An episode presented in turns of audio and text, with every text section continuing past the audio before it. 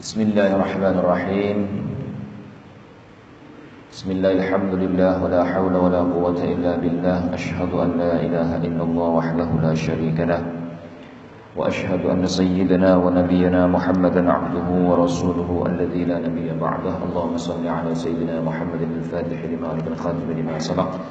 ناصر الحق بالحق والهادي إلى صراطك المستقيم وعلى آله حق قدره ومقداره العظيم. قال الله تعالى في كتابه الكريم وهو أصدق القائلين أعوذ بالله السميع العليم من الشيطان الرجيم. رب اشرح لي صدري ويسر لي أمري واحلل عقدة من لساني يفقه قولي أما بعد. Faya ayyuhal hadirun jamaah Masjid At-Taubah yang mudah-mudahan kita semuanya senantiasa berada di bawah naungan Allah Subhanahu wa taala.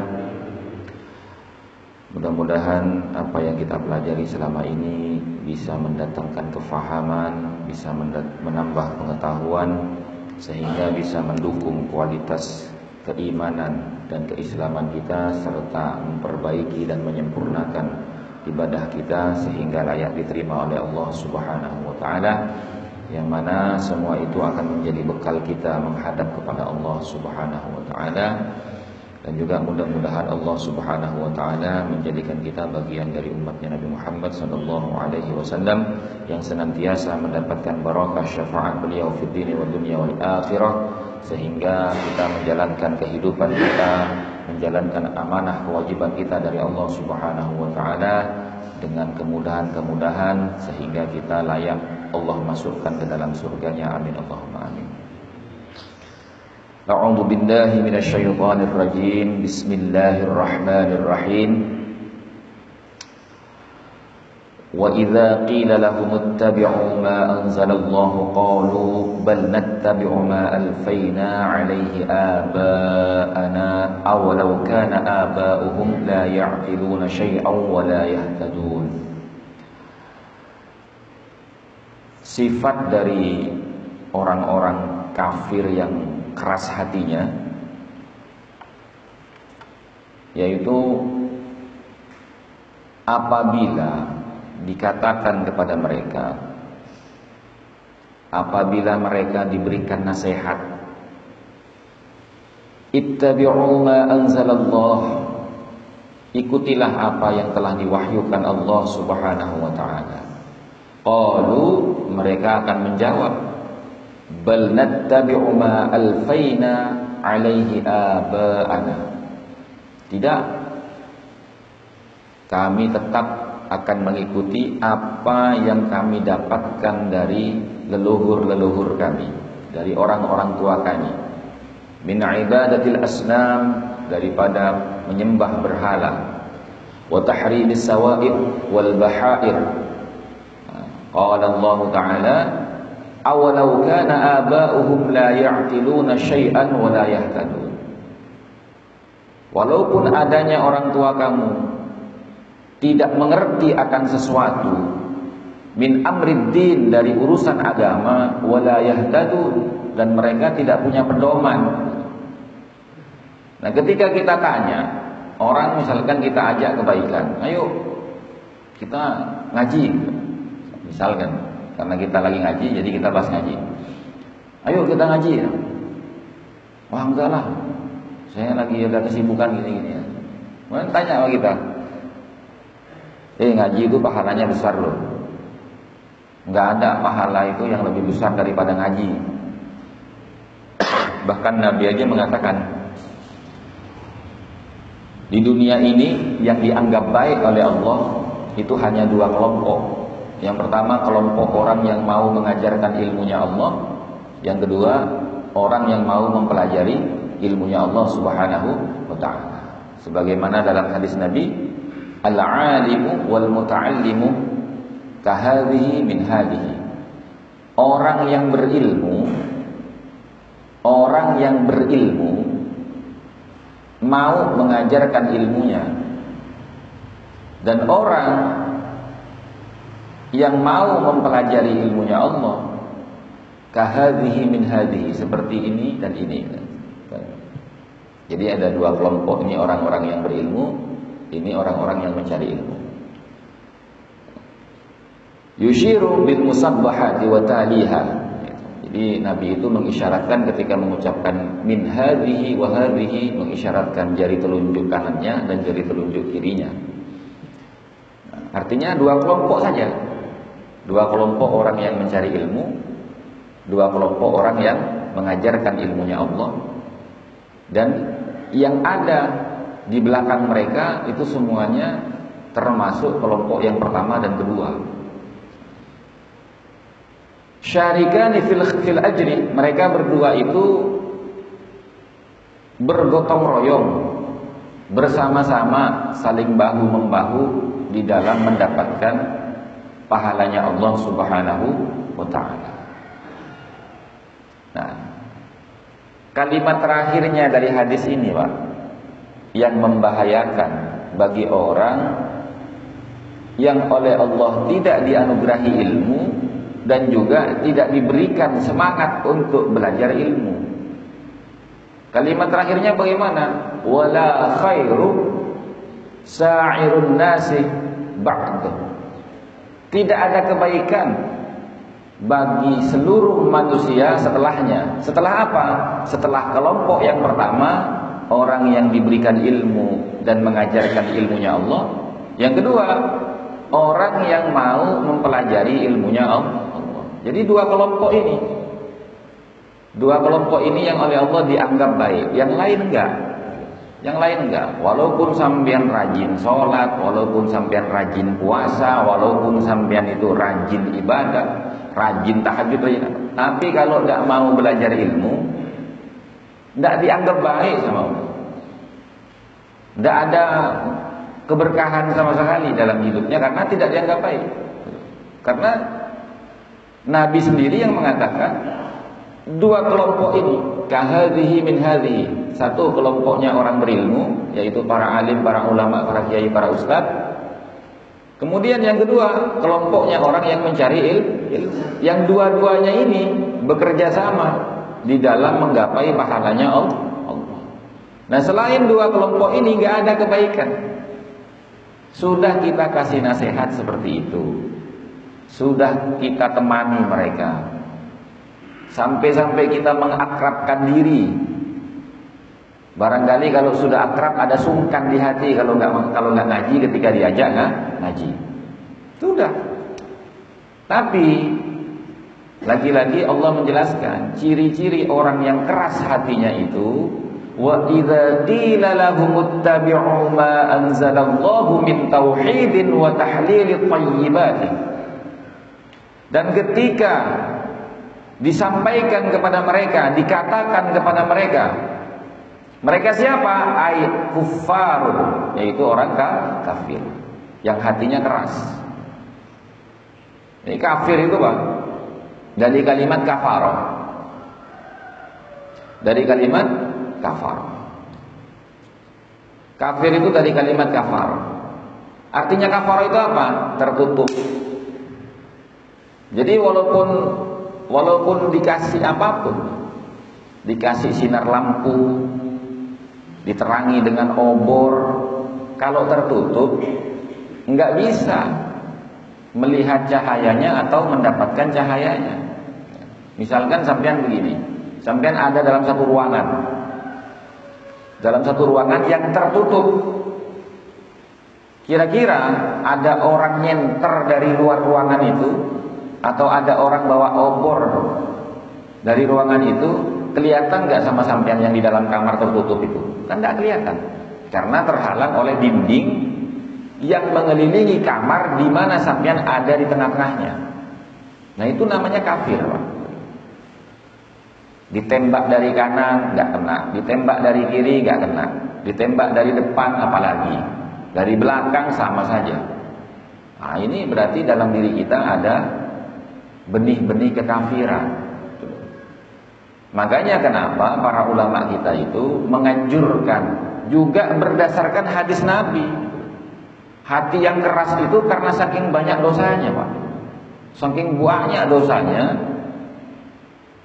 akhirnya hatinya menjadi keras gitu Makanya para ulama itu mengajarkan kita untuk berwirid Habis sholat kita diajak ucapkan la ilaha illallah. Di luar sholat istighosahan ada kalimat la ilaha illallah. Dan ketika kita mengucapkan kalimat la ilaha illallah pasti diawali dengan istighfar dan sholawat. Kenapa? Tujuannya untuk ini loh, melunakkan hati kita. Melunakkan hati kita, mempersiapkan hati kita untuk menerima ilmunya Allah. Imam Syafi'i itu pernah mengeluh kepada gurunya yang diabadikan di dalam syair Syakautu ila waqi'in su'a Farshadani ila tarkil ma'asi Saya mengeluh kepada guru saya Syekh Waqi namanya. Su'ahifdi Kenapa saya sulit untuk menghafal? Saya sulit untuk memahami ilmunya Allah yang saya pelajari. Bayangin loh Pak. Ini orang bukan tidak mau belajar Rajin belajar. Imam Syafi'i Rajin belajar Tapi ilmunya nggak masuk-masuk. Dia ngapalin ilmunya Allah. Nggak apal-apal. Apalagi orang yang nggak mau belajar. Nggak ada ilmu instan itu nggak ada. Nggak ada Pak.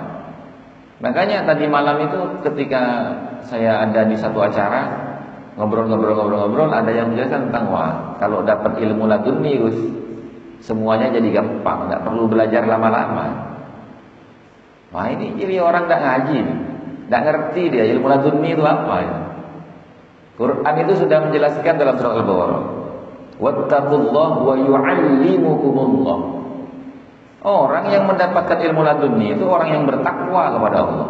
Kalau tidak bertakwa hatinya tidak bisa dapat ilmu itu.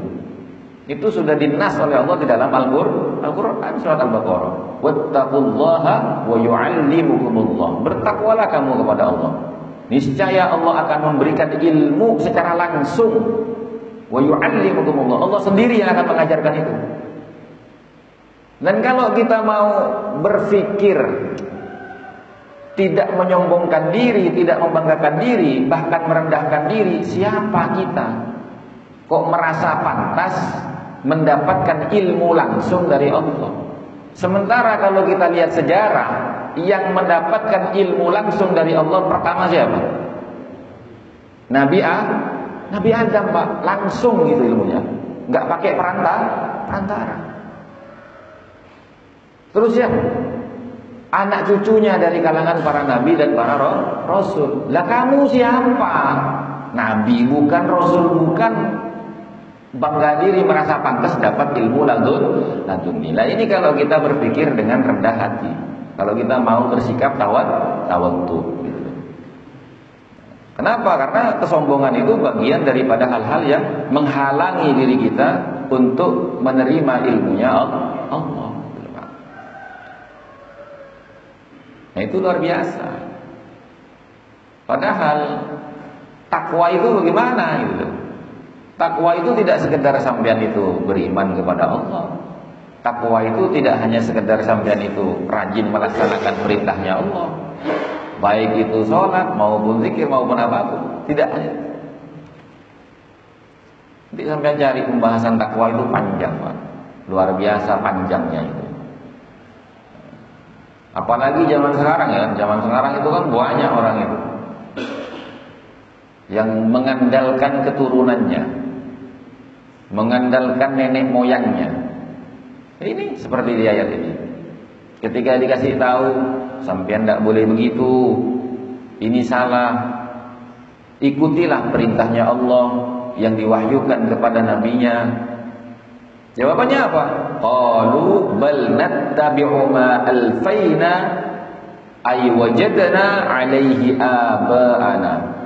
Enggak, kami tetap ngikutin apa yang kami dapatkan dari orang-orang tua kami, leluhur kami. Min ibadatil asnam. Leluhur kami ini dari dulu mengajarkan kepada kami untuk menyembah berhala. Enggak mungkin leluhur kami ini berpuluh-puluh tahun, berjuta-juta tahun itu salah. Buktinya kamu cuma sendiri, nggak ada pendukungnya. ini ucapan orang kafir kepada Nabi Nabi Muhammad ketika diajak untuk kembali menyembah Allah. Nah, makanya Allah lanjutkan ayatnya dengan kalimat awalau kana aba'uhum la ya'qiluna syai'an ay min amrid dini wa la yahtadun. Memangnya kamu yakin orang-orang tua kamu, leluhur kamu itu mengerti tentang agamanya Allah? Memangnya mereka berpendapat seperti itu itu punya pedoman. Pedomannya apa? Padahal kita tahu Nabi Ibrahim yang notabene adalah bapak daripada kaum Quraisy itu tidak pernah menyembah berhala. berhala. Berarti bukan dari Nabi Ibrahim ini, kan gitu ya. Makanya Allah katakan, emang kamu tahu bahwa leluhur kamu itu mengerti tentang agama? Atau mereka punya pedoman apa? Kok menuduh Nabi Ibrahim ini adalah leluhur mereka yang mengajarkan mereka menyembah berhala. Nah itu. Kadang-kadang itu orang akhir zaman itu begitu, Pak. Mengatasnamakan orang tuanya, mengatasnamakan gurunya, mengatasnamakan leluhurnya hanya untuk mencari pembenaran dari perilaku yang dia perbuat. Wah ini luar biasa. Berbohong, mengatasnamakan orang tua, mengatasnamakan guru, mengatasnamakan leluhur. Itu yang difitnah berapa banyak itu? Nah, ini tuh hati-hati. Kalau memang kita nggak tahu, ya nggak tahu aja udah. Gitu Kalau memang kita tahu, ya sampaikan apa yang kita tahu sesuai dengan apa yang kita dapatkan. Karena apa? Kita umat Nabi Muhammad harus meneladani empat sifat wajibnya Nabi Muhammad. Satu, siddiq. Amanah, tabligh, fatona. Siddiq jujur, amanah itu bertanggung jawab. Tabligh menyampaikan apa adanya, nggak ditambah-tambahi, nggak dikurang-kurangi.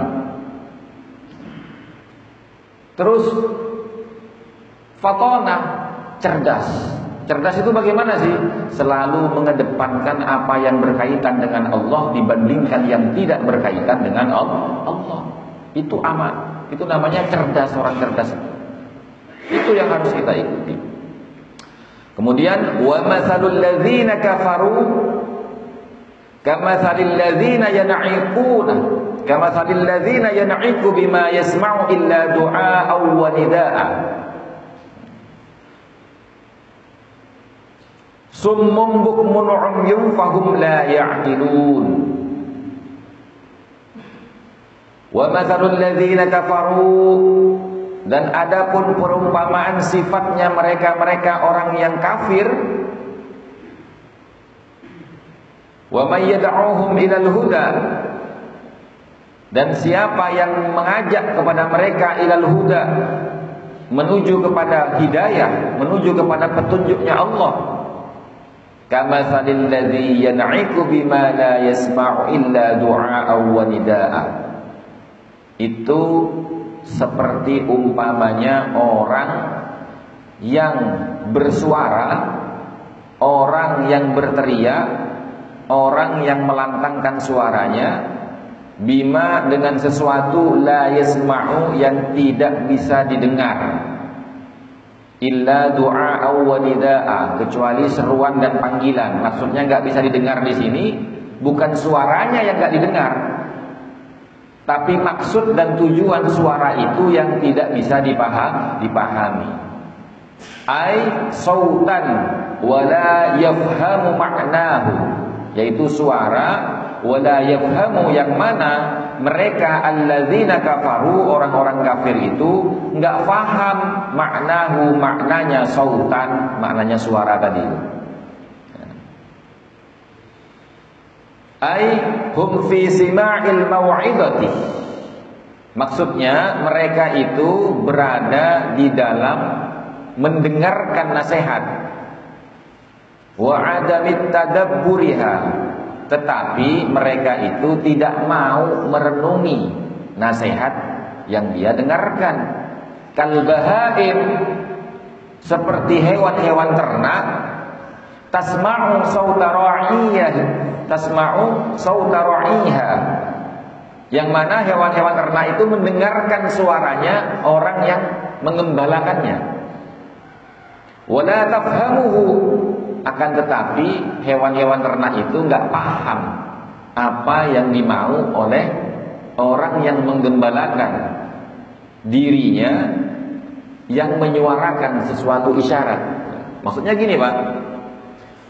Orang yang ketika dinasehati kok nggak mau ngerti, dikasih tahu nggak mau paham, itu seperti hewan ternak yang dianon sama orang.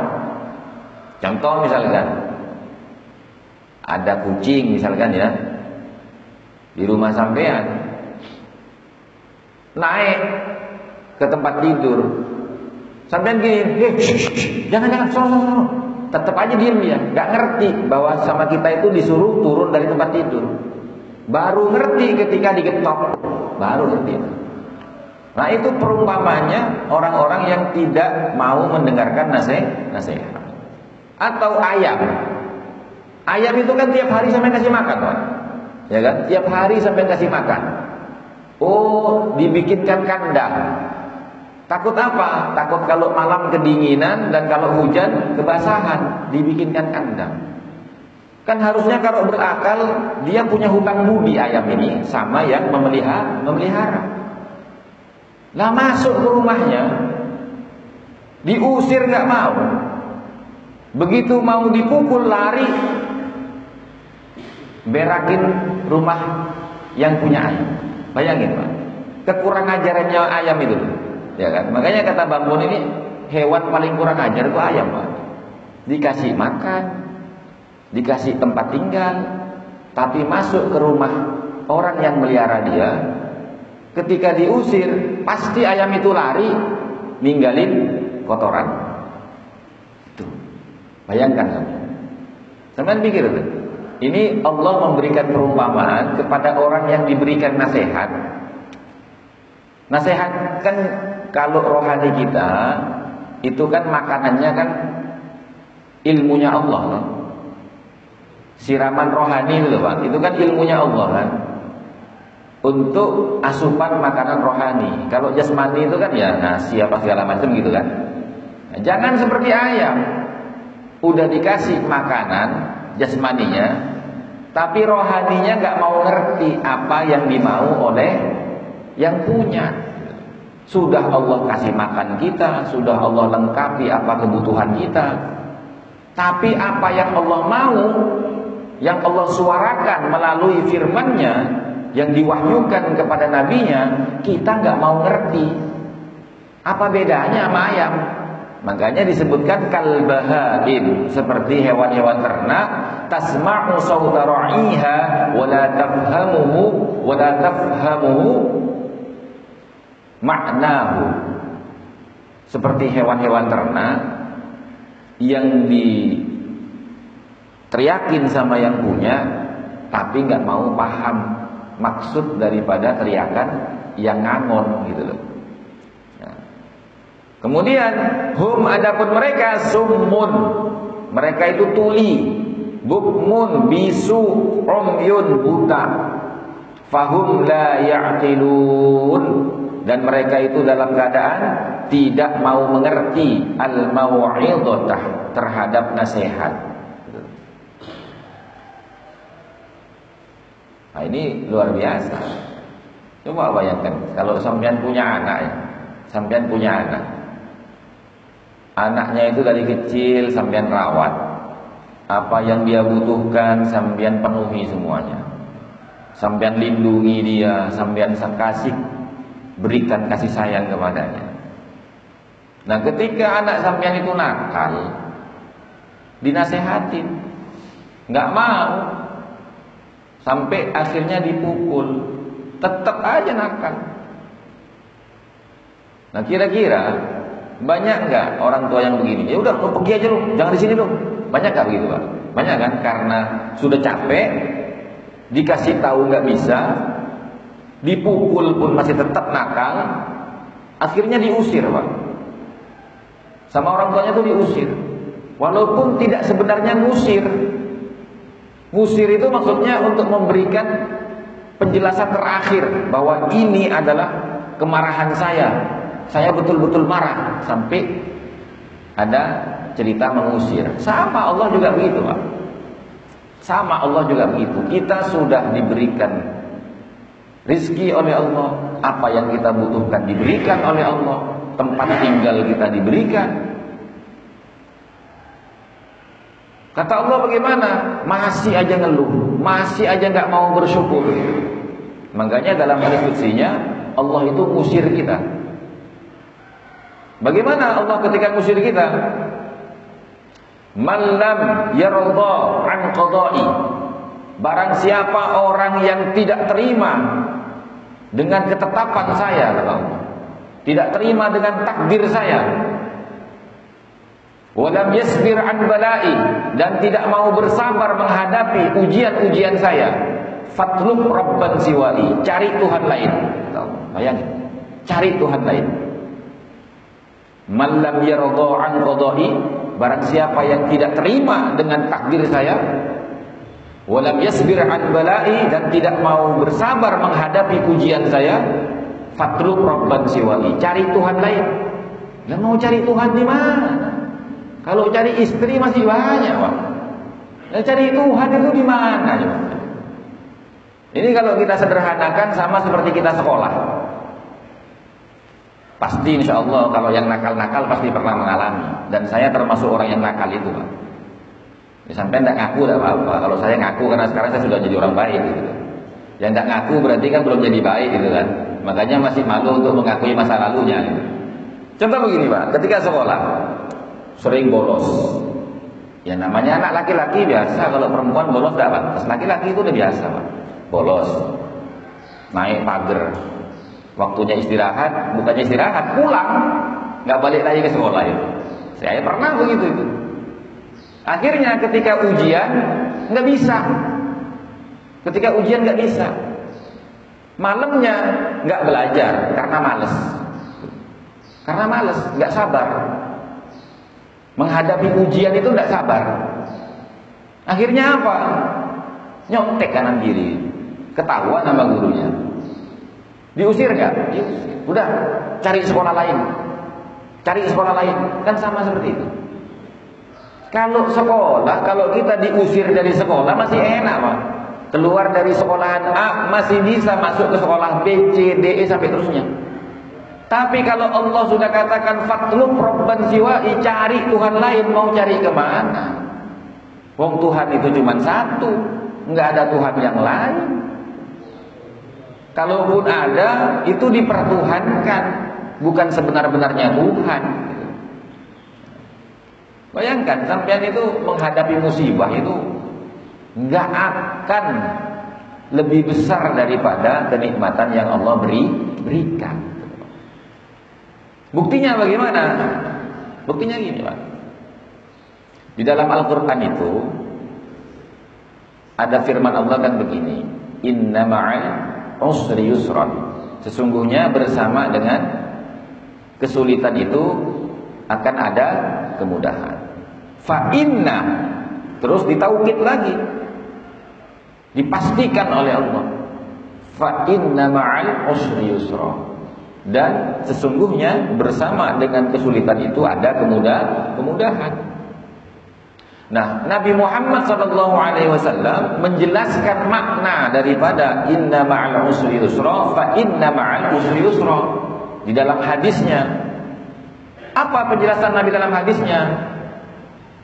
La la eh la yaghlubal usra yusrina. Tidak akan pernah satu kesulitan bisa mengalahkan dua kemudahan. kemudahan. Maksudnya bagaimana? Di dalam ayat tadi itu inna ma'al usri yusra. Kalimat kesulitan itu al-usru itu menggunakan alif lam. Artinya itu isim ma'rifat dalam gramatika bahasa Arab disebut isim ma'rifat itu. Karena ada al di situ. Nah, isim ma'rifat ini tidak berjumlah. Kalau memang bentuknya mufrad ya satu. Kalau memang bentuknya tasniyah ya dua. Kalau bentuknya jamak ya banyak, bisa lebih dari tiga. Itu namanya isim ma'rifat terbatas oleh tak lam ta'rifnya. Tapi ketika Allah menyebutkan yusra tidak menggunakan alif lam. Artinya menggunakan isim nakirah. Isim nakirah ini terserah kepahaman kita. Mau dipahami satu mufrad, mau dipahami tasniyah dua, mau dipahami jamak lebih dari tiga silakan. Artinya tidak ada batasan jumlah. Bayangin. Ditekankan lagi Allah, fa inna ma'al usri yusra. Coba sampai buka di Qur'annya. Pasti kalimat al-usru itu ada alif lamnya. Sementara kalimat yusra enggak ada alif lamnya.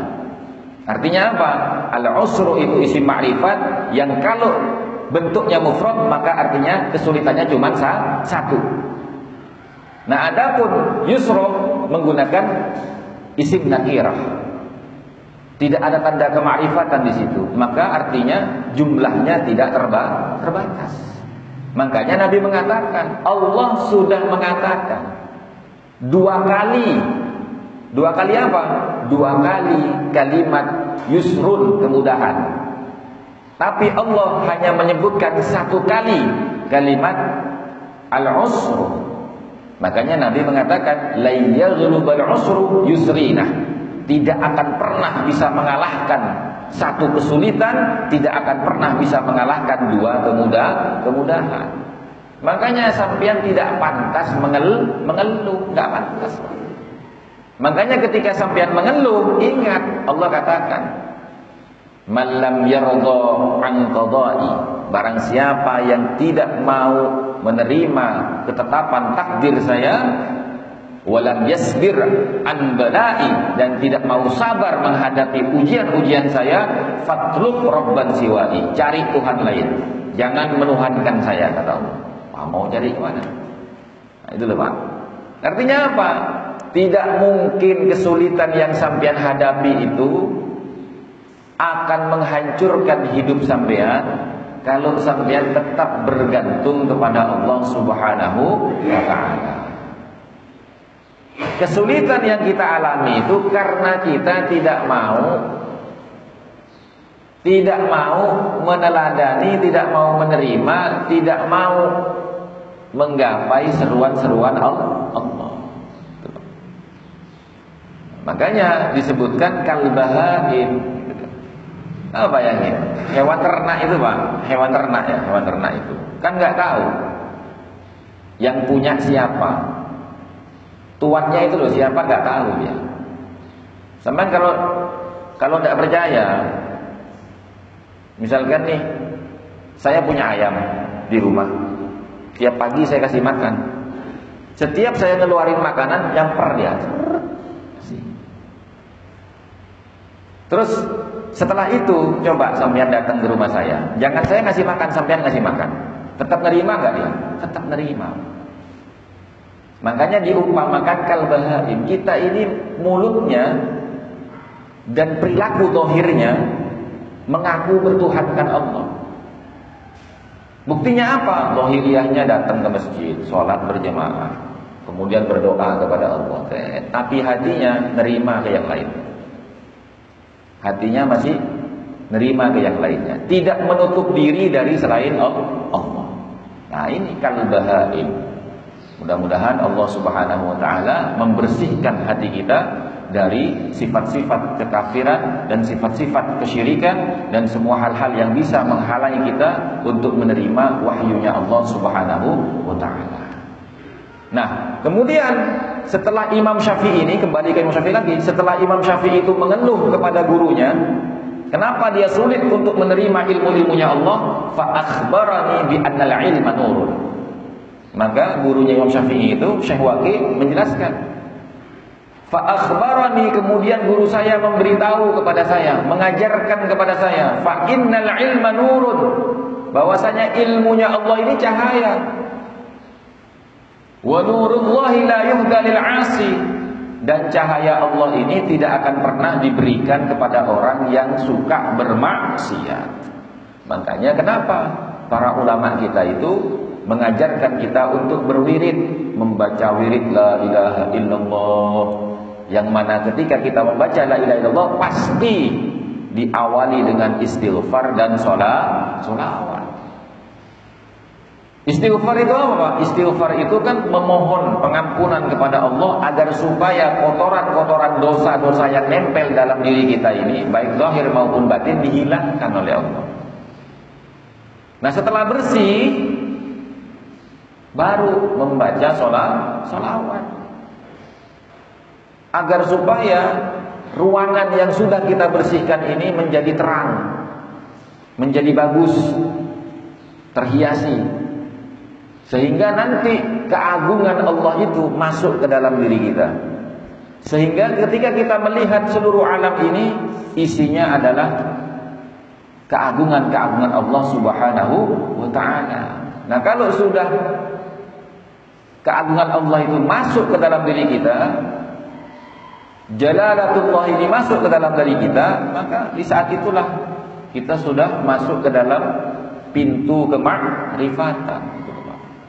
Supaya kita itu tidak sia-sia ibadah dari kecil tapi nggak nyampe-nyampe ke pintu gerbangnya itu nggak nyampe.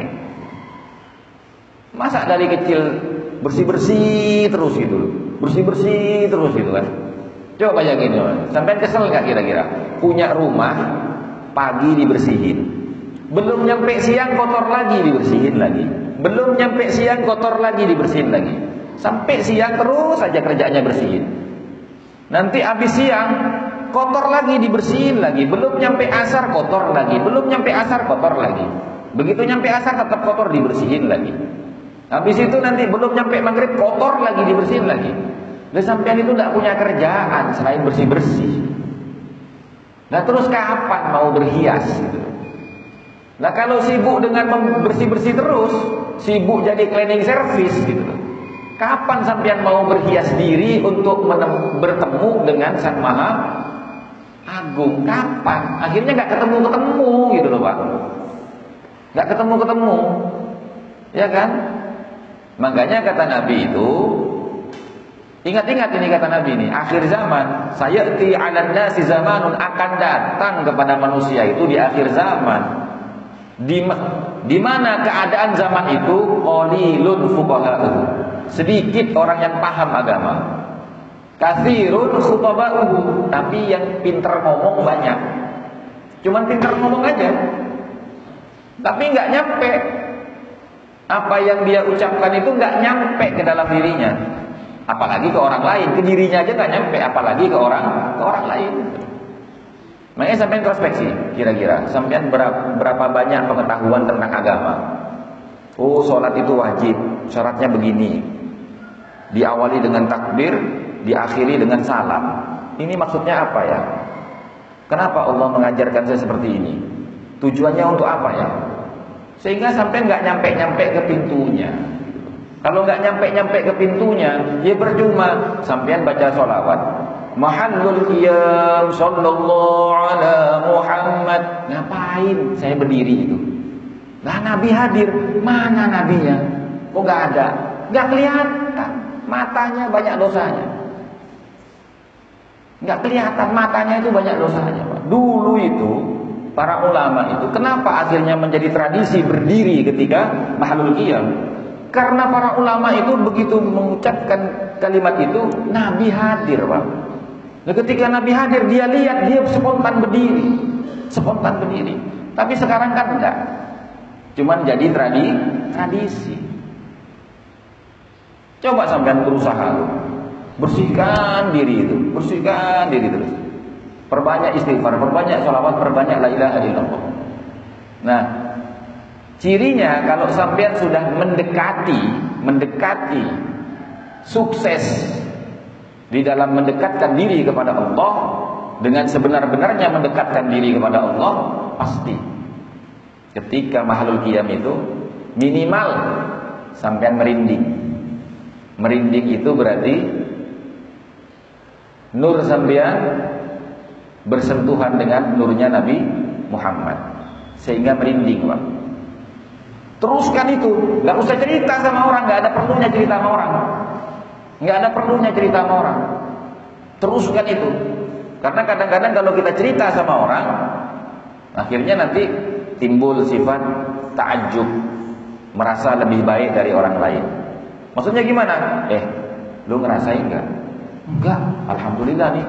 Gue kemarin ngerasain nih. Timbul akhirnya dia merasa lebih baik dari orang yang belum merasakan.